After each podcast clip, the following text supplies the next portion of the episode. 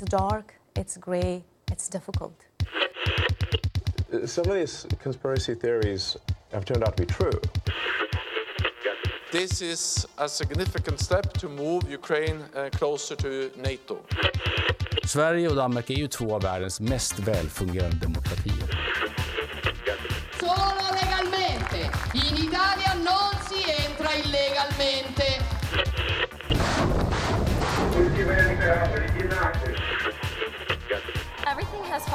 Place. I feel really good about where I am right now. Fredrickson of Denmark and uh, the, of Koma, daughter of Ireland. Do you guys ever think about dying? Í heimskuðum í dag ætlum við að fjalla um eina af dýrustu laurugluransóknum í sögu Breitlands og svo kostningar dagsins sem eru í Slovakíu. Ég heiti Birta Björstóttir. Ég heiti Bjarni Pétur Jónsson. Við ætlum að byrja í Slovakíu af því að öllum þeim kostningum sem framfara í Evrópu í ár sem eru fjölmarkar þá eru kostningarnar í Slovakíu í dag með þeim áhugaverðustu. Skoðanakannanir benda til þess að fyrirverandi fósætis ráþæra landsins Robert Fico sem röklaðist úr ennbætti fyrir fimm árum geti núna komist aftur til valda og jafnvel tekið með sér öfga hæriflokka í samstipustjórn. Í kostningabaratunni hefur Fico ítrekað tekið upp málstað rússaka hvort Úkrænu og margt bendi til þess að auðarríkistefna Slovakíu geti tekið afdrifaríkum breytingum og jafnvel rofið skarði í samstöðu aðaldaríkja Evrópusambansins hvort innrás rússa í Úkrænu. Og kostningabaratan hefur líka markast af upplýsinga óreiðu, hundruð netmiðla í landinu pumpa út fölskum upplýsingum og upplognum sögum og samsæriskenningum sem til dæmis stiðja málstað rúsa.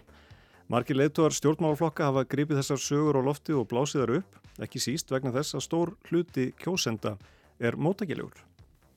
Björn Málkvist hefur verið að fylgjast með kostningabaratunni í Slovaki.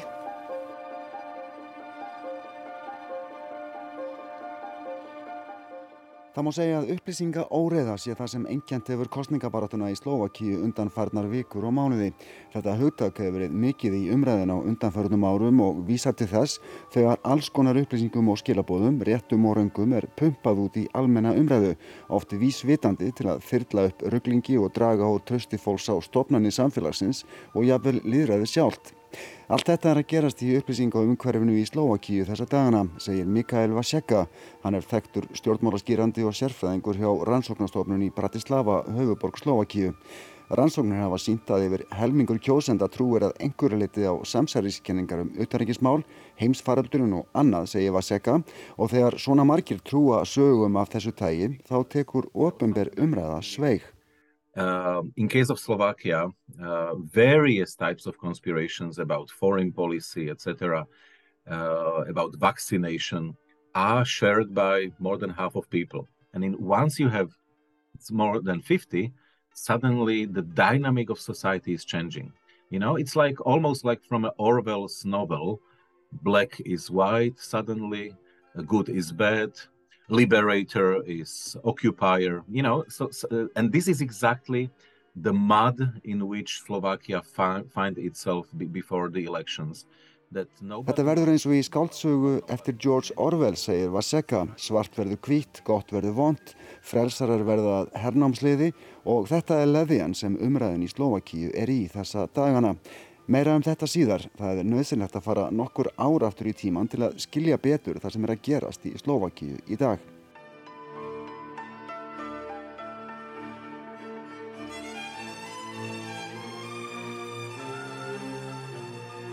Það eru 30 ár síðan Slovakíu var sjálfstætt ríki. Það gerðist 1. janúar 1993 þegar skilnaðari við Tjekkland var það veruleika.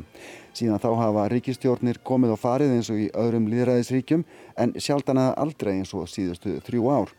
Þau ár hafa engist af mikilli óreðum sem er að hluta til rótina þeirri krísu, það er einlega valla hægt að nota annað orði við ástandið sem núna blasir við.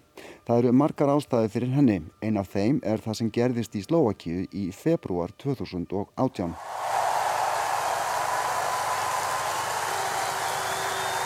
Þetta er upptakana því þegar 20.000 komu saman í Bratislava, höfuborg Slovakíu, um miðjan mars 2018 til þess að kræfjast þess að þáverandi stjórn undir fóristu Robert Ficos segði af sér.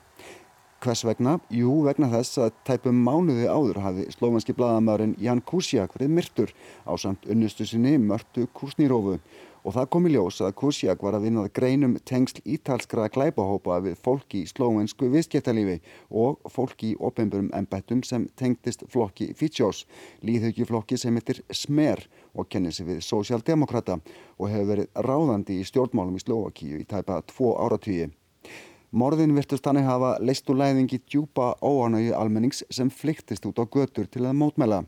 Stjórnarnanstaðan var fljótað bendla Fitch og hans fólk við óbeint við morðin. Það flugu ásakanir um viðtæka og ára langa spillingu þar að meðal hvernig áhrifamikið fólk hafi sóið til sín miljónir evra sem komu til Slovakíu í formi styrkja frá Evrópusambandinu. Samstagsflokkar smeri ríkistjórn kvölduð eftir breytingum og svo fóra lókum á Fítsjó sagði af sér, þó ekki fyrir hann hafi tryggt að smermyndi áfram leiða ríkistjórn undir fórustu flokksfélaga síns aðstofar fórsetisráðferðans Peter Pellegrini.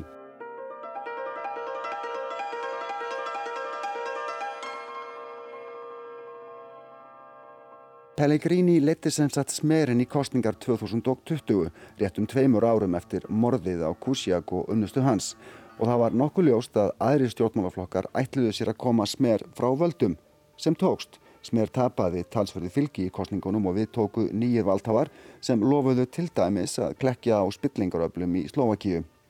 Maðurinn sem leiti nýju ríkistjórnana heitir Igor Matovic, hann er leitói flokks sem kallast Olano, það er skamstöðunum á slóangiska nafninu og Matovic fekk með sér þrá aðra flokka í meirulutastjórn, ánþess þó að stjórnar sáttmáli hefði verið skrifaður eða frá gengin.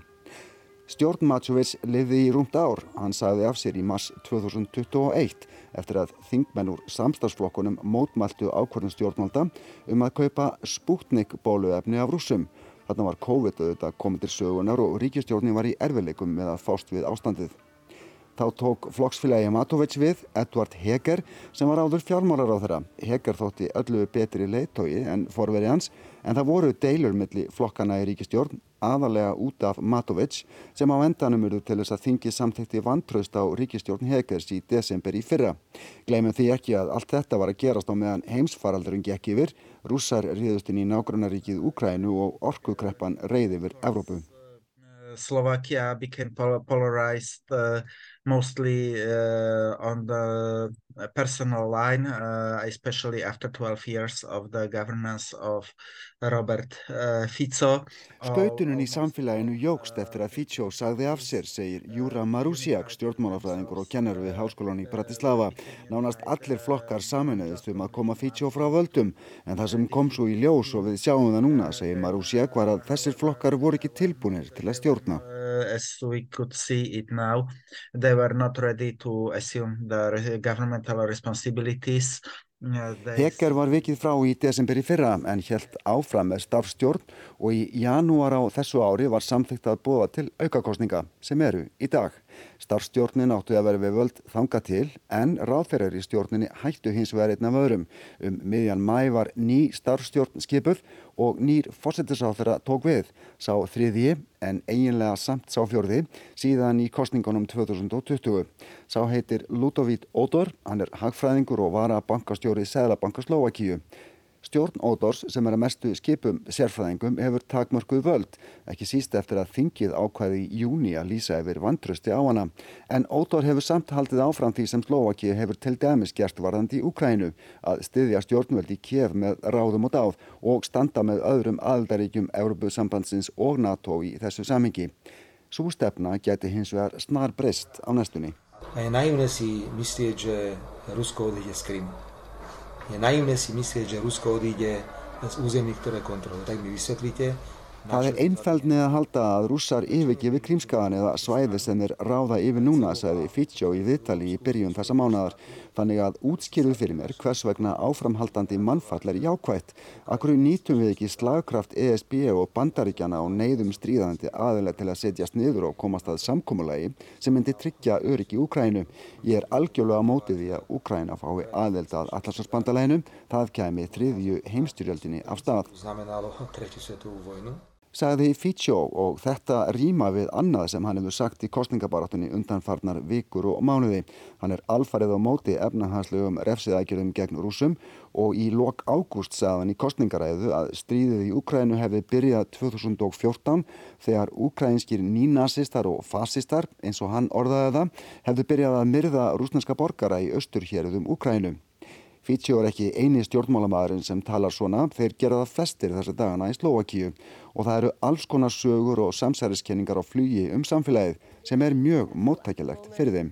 Um, Slovaks belong to very vulnerable societies that are susceptible, very much susceptible to Kremlin propaganda. Uh, Segir Katarína Klingova, hún er rannsakandi hjá Globsec hugveitinu í Bratislava, hugveitu sem kannar reglulega afstöðu almennings til ímessamála í Slovakíu og annar staðar í östulhutu Evrópu til innan og utaríkismála. Uh, we have 66% of Slovaks thinking that the United States is dragging us into the war because it's profiting to it. That's uh, something uh, that we found out in the recent Globsec Trends 2023. Uh, the data was collected at the end of March. 66% Slovaka telja að bandaríkinn sé að draga okkur inn í stríðið því þau græði á því. Þetta kom fram í Könnun Globsec í mass. 54% Slovaka sjá Rúsland sem ókn en á sama tíma hefur helmingur íbúa sömu skoðun gagvart bandaríkjunum. 40% segja að rússa séu ábyrgir fyrir innrásin í Ukrænu en yfir helmingur tilur að Vesturland hefur augrað rússum eða stjórnult í Ukrænu beri ábyrð á innrásinni fyrir að hafa bælt niður rúsnesku mælandi minnirituhópa. Og þó nokkrir stjórnmálaflokkar hér hafa séð að svona falska sögur hafa hljómgrunn meðal Slovaka og hafa byrjað að nota þar til að ná aðtekli kjósenda.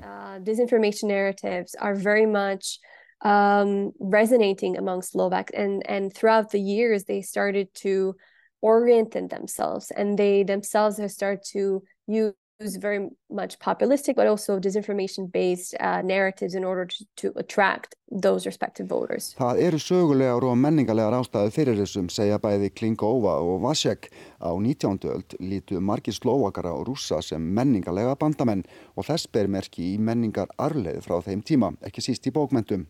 Á tímum setni heimstyreldarinnar voru stjórnvöldi í Slovakíu vinnveitt nazistum þannig að margir lítu á rúsa sem frelsara í lok stríðsins auk þess sem Slovakíu farnaðist betur en mörgum öðrum svæðum á tímum Sovjetríkjana. Vasek bendir einnig á að líðræðisbyltingin sem átti sér stað í Slovakíu eftir fall Sovjetríkjana hafi verið öðruvísi og ekki eins djúbstæðins og víða annar staðar. Anstæðingar opina samfélaga hafa komist til valda í Slovakíu og ráðið miklu um hvernig þjóðfélagið þar þróaðist.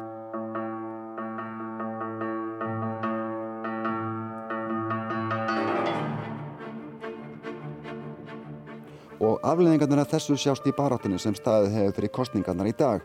Það sem Fitcho og aðrir er að segja um Rúsland, Ukrænu, NATO og Bandaríkin fellur í frjóan jarðið hjá stórum hluta kjósenda og er dreift af ótölulegum fjölda netmiðla og hópa á samfélagsmiðlum með diggri aðstóð rúsa, segir Vasek. On top of everything, Slovakia has been targeted by Russia uh, within a hybrid war Russia invested a lot of money in comparison, bearing in mind how Slovakia is relatively small. Slovakia uh, hefur verið skotmark rúsa í fjölþáttastríði. Rúsland hefur eitt miklu fér hlutfalslega með að smæð Slovakíu og ekki að ástæða lausu því í fjölþáttastríði þá er best að einbeta sér að veikasta leknum og veikasti lekkurinn í Európusambandinu er Slovakia the weakest part of the chain of the European Union and Slovakia is clearly without any doubts the weakest part. Rúsar hafa vissilega gert sitt til að hafa áhrif á umræðuna. Povedal som v Moskvi, že sú takí Þetta er hljóðupptaka að fundi þar sem hermálafulltrúi í sendiráður Úslands í Bratislava bar fjö á slóakískan mann, Bóhús Garbar, sem skrifaði fyrir útbreytan netmiðl þar sem gjarnan byrtist efni til stöðningsrúsum. Upptakan byrtist í fyrra. Hermálafulltrúin var sendur úr landi og Garbar var demtur fyrir njósnir. En það dögar ekki bara að kenna rúsum um þetta, segir Katarína Klingova. Russian embassy have been for years very active in Slovakia, and its uh, representatives from the ambassadors or Russian military attaches have been very vocal on social media, but also very vocal of Rúsneska sendiráðu hefur verið mjög virt í Slovakíu og fulltrúar þess hafa veitt fjölda viðtala og reynda að dreifa falsfréttum nú síðast áróðri um innrásina í Ukrænu. En við verðum líka að gera okkur grein fyrir að hérna í Slovakíu er umfangsmikið kerfi miðla sem dreifa falsfréttum.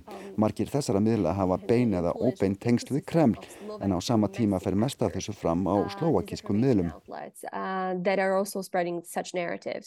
A lot of them have direct, indirect connections with the Kremlin, um, but at the same time, you know, like most of the narratives are really spread by domestic actors.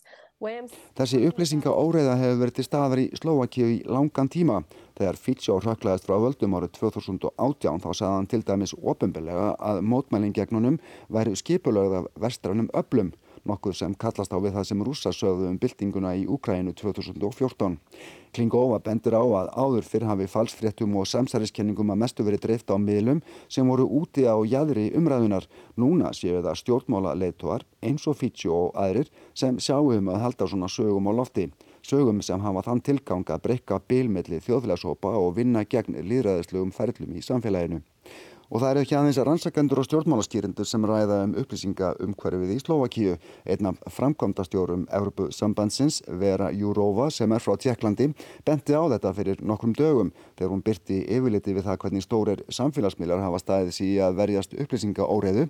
Jurova sakaði rúsa um að spilla almennri umræðu með lígum og hálfsannleika til að skapa þá ímynd að líðræði sé engu betra en einræði. The Russian state has engaged in the war of ideas to pollute our information space with half-truth and lies to create a false image that democracy is no better than autocracy. Flokkur Fitsjós smer hefur verið undanförnum verið með mesta fylgið í skoðanakönnunum í kringum 20%.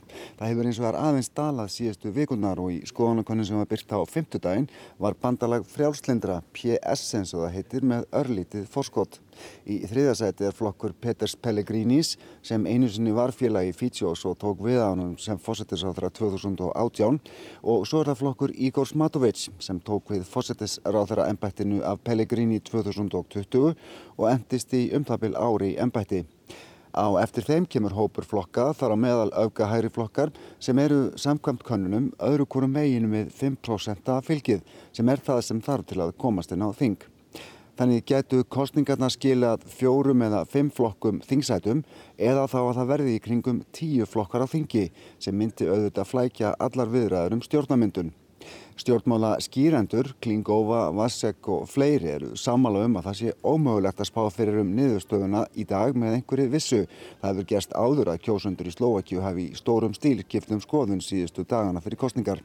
En Fitsjó og flokkur hans Smer gætu hins vegar vissulega verið í liki hlutverki þegar kemur að því að mynda nýja ríkistjórn og Fitsjó gæti endað sem fósættisáþara í fjörða skiptið.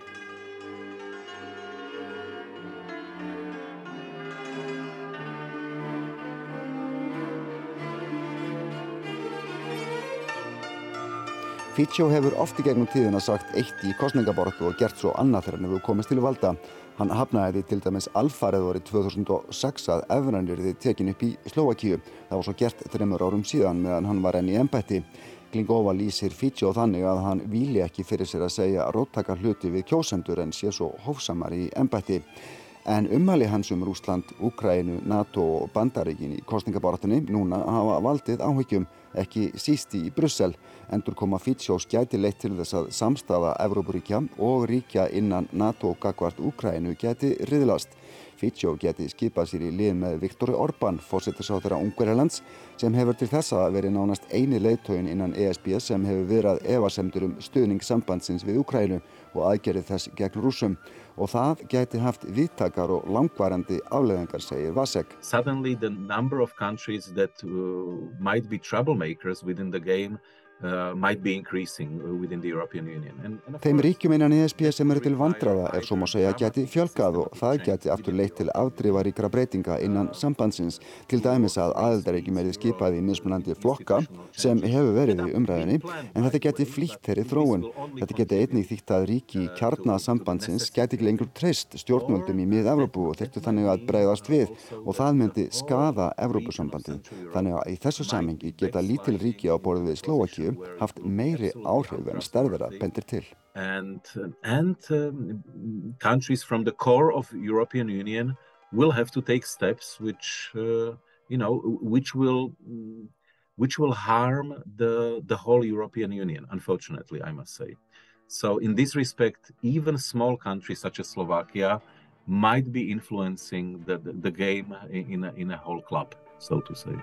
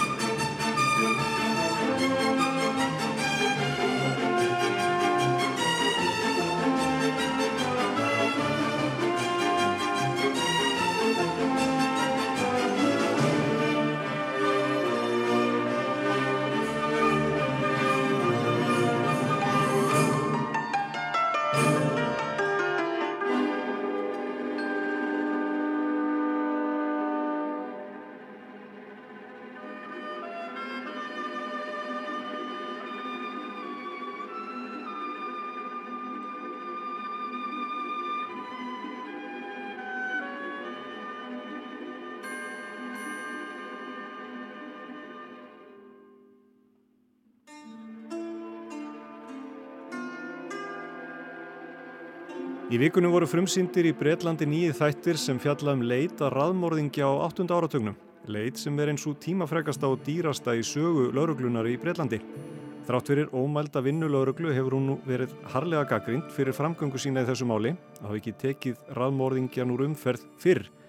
Hann var kallaður til yfirheyslu nýju sinnum á þeim fimm árum sem rannsóknin stóð yfir. Og það er ekki það eina sem laurugla hefur verið gaggrind fyrir í þessu máli eins og við heyrum hér og eftir og rannsóknar aðferðum í Breitlandi var breytt eftir niðurstöðu skýslu sem rannsakaði vinnubröð lauruglu í þessu máli. Birta kynnti sér máli. Þegar stóru og alvarleg mál enda á borði lauruglunar í Breitlandi er settast að skráningakerfi á öllum upplýsingum um það. Kerfi sem kallast Holmes. Nafnið er skamstöfun á Home Office Large Major Inquiry System en nafngiftin er heldur engin tilviljun. Holmes skráningakerfið er einnig nefnt eftir Sherlock Holmes, spæjarnum góðkuna hugarfóstri breska rítufundarins Arthurs Conan Doyle. Í Holmes skráningakerfið eru skráðar allar upplýsingar um morð og mannskvörf til að mynda, öll alvarleg og upplýst atvik. Þetta er gert til að hafa allar upplýsingar á sama stað og auk þess á kerfið að bera saman upplýsingar í gangagrunnum og bera kennsla á minnstur. Þetta hljómar allt mjög röggrétt þegar að vinnubröðu lögreglur annars vegar. Þetta kerfi er hins vegar frekar nýtil komið til þess að gera. Krafanum skilvirkara skráningakerfi lauruglunar í Breitlandi varð afar hávar í lok 8. áratugurins og í upphafi þess nýjunda eftir ára langa leit lauruglu að einum allræmdasta raðmorðingja í sögu landsins. Manns sem laurugla yfirherði nýju sinnum áður námara endingu handtekinn. Seinagangur lauruglu var harðlega gaggrindur og setna kom í ljós að hluti ástæði þess að svo langan tíma tóka klófæsta raðmorðingjan var að vittnisspurðir og ábendingar lágu skráðar í spjaldskram lauruglu en enginn hafði yfirsýn yfir vísbendingarnar sem margar bentu í sömu átt á mann að rafni Pítur Söttklif.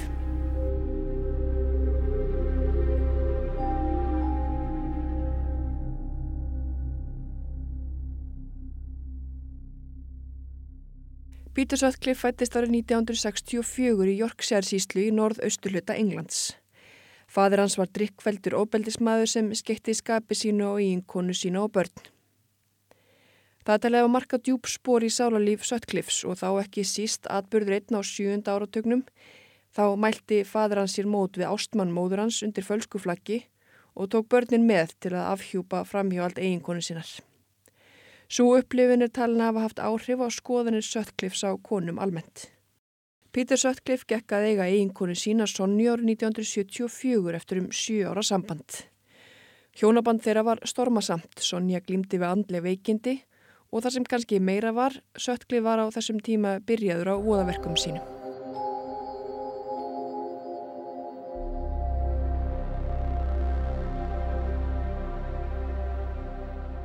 Fyrsta staðfesta ofbeldisbrót Sutcliffes var árið 1969 þegar hann ríðist á konu sem framfleytti sér með vændi. Hann var yfirheyrður eftir árásina en konan lagði ekki fram kæru á hendur honum. Það er svo árið 1975, ári eftir að Sutcliffe gekk í hjónaband að hann fyrir að skilja eftir sig blóði drifna slóð við björsleira ofbeldiskleipa.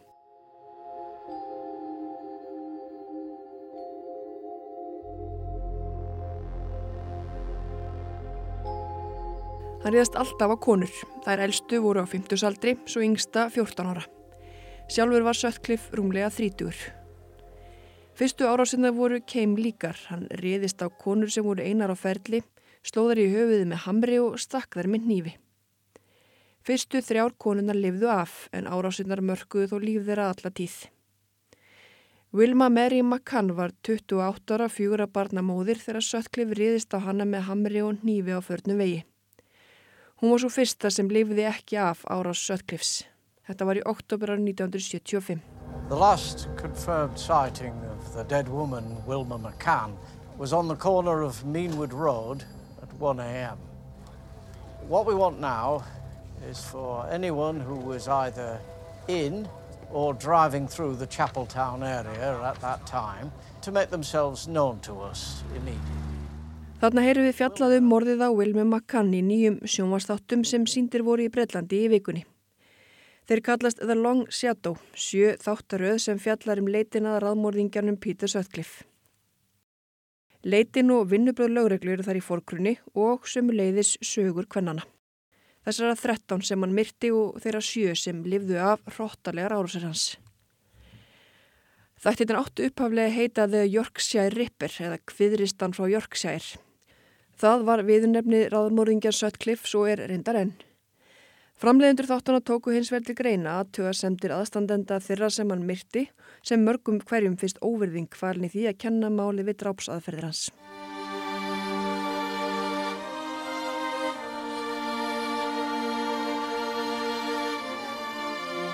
Eftir fyrsta morðið er eins og Sutcliffe hafi farið að innbeita sig að konum í vændi. Á ornum 1976 og 1977 myrti hann fimm konur og þrjár aðrar urði fyrir mjög alvarlegum líkamsárásum að hans hálfu. Vopnin voru svipuð, hamar, nývar og skrújátn og aðferðina líka. Hinn 20. Jean Bernadetta Jordan var myrt hann 1. oktober 1977. Eftir að hafa unnið voðaverkið snýri Sutcliffe aftur heim til sín í fjölskyldubóð sem þau hjónin hefði búið til í nýja húsinu sínu. Í partíinu rann það þó upp fyrir húnum að mögulega væri hægt að rekja til hans glænían 5 punta peningaseðil sem hann hefði greitt Jordan áður en hann myrtana. Eftir að síðustu gestirni fóru heim snýran því aftur þanga sem hann hefði skilið lík Jordan eftir en fann seðilin ekki í fórumennar. Lík Jordan fannst rúmri viku síðar. Í leini hólfi í töskunennar var 5 punta seðilin umræti. Lauruglegat gefið sér að siðillin hefði verið í launaumslegi hjá einum af um 8.000 launþengum sem hefði fengið útborga hjá ákveðnum banka. Laurugla rætti við um 5.000 kartmenn úr þeim hópi. Þeirra á meðal var Sutcliffe sem var talin vera með nógu góða fjárvistasönnun vegna innflyttingsvisluna sinnar. Tveimur mánuðum síðar lifði Merlin nokkur mór af alvarlega líkamsárós. Bílfura á vettvangi pössuð við vettvang annara samskonar árása og Mór gaf svipaða lýsingar á árásamannum og aðrar sem höfðu lifað af árási Sötklifs. Hann var aftur kallaður til yfirheyslu en sleft án frekari átöðasemda. Það sem vildi um fyrir lauruglu mánuðum saman voru upptökur sem voru sendar til rannsóknarlauruglumannsins George Oldfield sem fór fyrir rannsókninni. Á upptökunum heyrist maður sem kallaði sig Jack áarpa George yfir mann rannsóknar og segja að hann sé hvergi nálagt í að ná sér. Þessi sem kallaði sig Jack sendi líka bref til lauruglunar og The Daily Mirror þar sem hann játaði á sig morð og árásir. Brefinu voru undirrituð Jack the Ripper sem er auðvitað líka nafn eins allræmdasta raðmórðingja sögunar. Lauruglan varði ómældum tíma í að reyna að hafa uppi á manninum sem kallaði sér Jack, sannferðum að hann væri sá seki. Maðurinn sem kallaði sér Jack talaði með reym sem sérfróði röktu til Wareside. Það passaði ekki við framböðu nokkur þeirra kvenna sem lístu Yorkshire reym í máli mannsinn sem réðist á þær með hamri og ekvapnu. Það kom svo í ljós lungu lungu síðar, nára tiltæki árið 2005, að hinn sjálfskeipaði Jack the Ripper hétt John Samuel Hammúl, atvinnulegs drikkjumadur sem fekk þá dóm fyrir að hindra framgöngu réttvísinar, en hann tengdist voðaverkum Söttklifs ekki á neitt annan hátt. Margir mánuður fóru þó hjá lauruglu í eltingarleik við þennan mann, sem lauruglu taldi sér full vissum að væri sá seki. Hello, this is the Global News podcast from the BBC World Service. Slælega vinnubröður lauruglu voru til umfyllunar í The Global News hlaðvarpi Braska ríkisútarpsins BBC í vikunni. Þar var ættið Mo Lee sem var 21 ást þegar Söttklif réðist á hana með hamri og skrújarni þegar hún var á heimleiði eftir að hafa farið út með vinum sínum til að halda upp á amali sitt. Hún var einfallega spurð af hverju hlustaði lauruglun ekki og svari var einfalt því lauruglumennir trúð ekki konunum. Why do you think the police didn't catch him sooner? They didn't listen to women. Lörgla búið til bladamannafundar þar sem upptökurna voru spilaðar og því lísti verið að þarna gæti fólk fengið að heyra rödd morðingjans. Og það þrátt fyrir að konur sem hefðu lifað af árásur hans segðu þetta væri ekki maðurinn. Hann talaði með Jörg sér En áfram skellti lörgla skotla eirum við framburði kvennana sem þó höfðu sannlega hitt mannin sem leita var að. Hér er Mó Lí aftur. But of course they didn't listen because they never listened to women. Now they'd been told by several of the surviving victims that he was local, but they knew better. And several women died and were attacked directly as a result of them falling for that hoax. Þó nokkra konu voru drefnar eða urðu fyrir líkamsárusum vegna þess að laurugla fjall fyrir þessari brellu, segi Mó Lí. Á meðan hjælt Söttklif ótröður áfram róttaskap sínum. Pressan á laurugluna jógst jamt og þjætt, ekki síst í september árið 1979 þegar fórnulampið var ekki lengur úr rauðum vændiskvenna, heldur tvítu stúdína. Sökli var þá alltaf á reglulegum ratar lauruglunar sem tókst þó illa tengjan við öll þessi skipulögðu morð og mistyrmingar. Í april árið 1980 var hann til dæmis handtekinn fyrir að keira fullur. Á meðan að beigja eftir réttarhöldunum um þann glæp myrtan Margaret Walsh. Alls yfirherði laurugla Söttklif nýju sinnum á þessu fimm ára tímabili í tengslu við rannsóknina. Þegar hann var á endanum handtekinn var það meira að segja upphaflega fyrir eitthvað allt annað. Annan janúar 1981 stöðuvaði laurugla Söttklif og í ljós koma bílinn hans var á óskráðum og fölsuðum bílnúmerum. Hann var þá handtekinn og laurugla kannaði einnig möguleg tengslans við morð og líkamsára sér undanfaran ára. Nývar, hamar og reypi fundust við leit og eftir tveggja dagar yfirheyslur játaði Söttklif á sig voðaverkinn. Hann líkti gjörðum sín við götur hinsanir. Hann hafi verið að hjálpa til við að losa samfélagi við óæskilega og óhreina samfélagslegna. Aug þess hafi Guð sjálfur beðan um að ganga í málið. Og það varð hans aðal málsvörn eftir að ákjæran var lögð fram og réttaröld yfir honum hófust.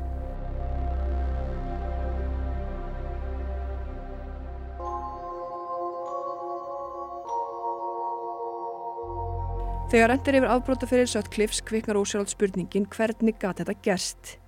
Það er hvernig sami maðurinn gatt gengið næsta óáreittur um heldur afmarka svæði í mörg ár og myrt og sært konur í viðkvæmri stöðu með svipuðum aðferðum aftur og aftur og aftur.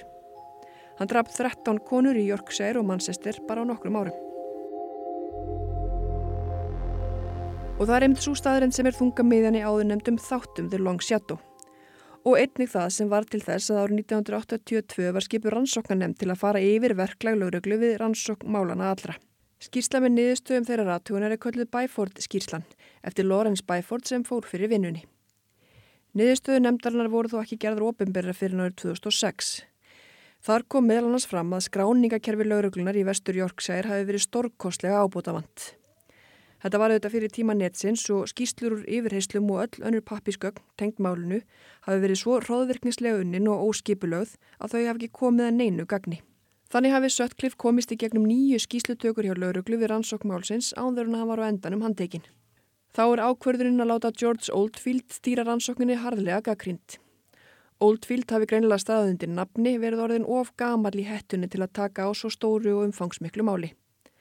Hann hef einblind um ofa áður nefndan mann sem kallaði sér Jack the Ripper á kostnað annara valkosta í stöðunni og ekki stýrt rannsókninni af fagmennsku.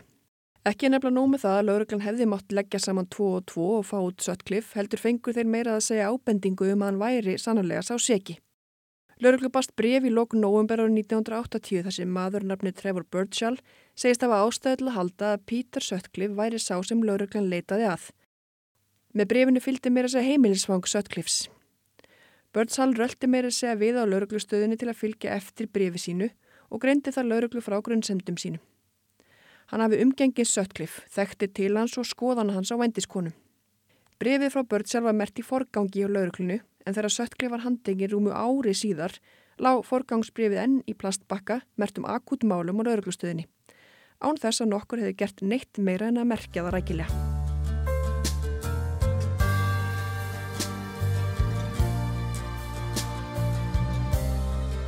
Sutcliffe saðist sjálfur stein hissa á því að hann hefði ekki verið gómaður fyrr. Fyrir dómi saðan það einfallega kraftaverk að lauruglan hafi ekki handekið hann fyrr. Þau voru með öll sönnugögnin og allar vísbendingarnar saðan. Viðbröð lauruglu hafa líka verið harlega gaggrind þegar hortir á þau gegnum kynjaglirugun. Sú staðrenda margar af konunum sem Sutcliffe myrti og særði framfléttu sér með vændi hafi auksínlega ekki endilega kvart lauruglu til að hafa hraðar hendur við að klófesta morðingjan. Einnar ansókalauruglumununum í málunu sagði þetta til að mynda á bladamannafundi ára 1979 áður en að Sutcliffe var handikinn. Árásamæðurinn hatar greinilega vendiskonur. Margir gera það sömu leiðis. Við hjá lauruglunum munum halda áfram að handtaka vendiskonur. En morðingin er núna einni farin að drepa saglösar stúlkur.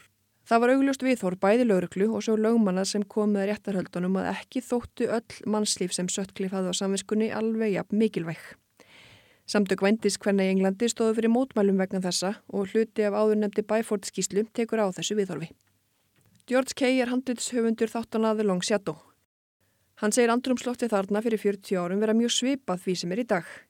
Sama tortrygni og skortur á samkend enginni viðhorf allt og margra til vændiskvenna og hvenna bara almennt. Sagði í viðtali að enn þann dag í dag, árið 2023, sé barist fyrir því að konur geti gengið óareittar um götur án þess að eiga á hættu að vera beittur ábeldi. Bítur Sotklif var metinn sakhæfur en var síðan greindur með geðklofa. Hann fikk 20 lífstíðadóma. Hann var vistaður á sjúkrahúsi og í fangilsi til skiptis að hann dóð drottni sínum í nógumber 2020 úr COVID en hann neytaði að láta bólusýta sig við verni. Hann var dæmdur fyrir 13 morð og 7 alvarlega líkamsáru sér. Niðurstaða lauruglu og síðar rannsókan nefndar er að ekki sé ósennilegt að hann hafi haft enn fleiri mannslíf á samviskunni, þó ekki hafi tekist að sanna á hann fleiri glæpi. Og þá er ekki fleira í heimskuðum í dag. En við verum hér aftur á sama tíma í næstu viku. Takk fyrir að hlusta.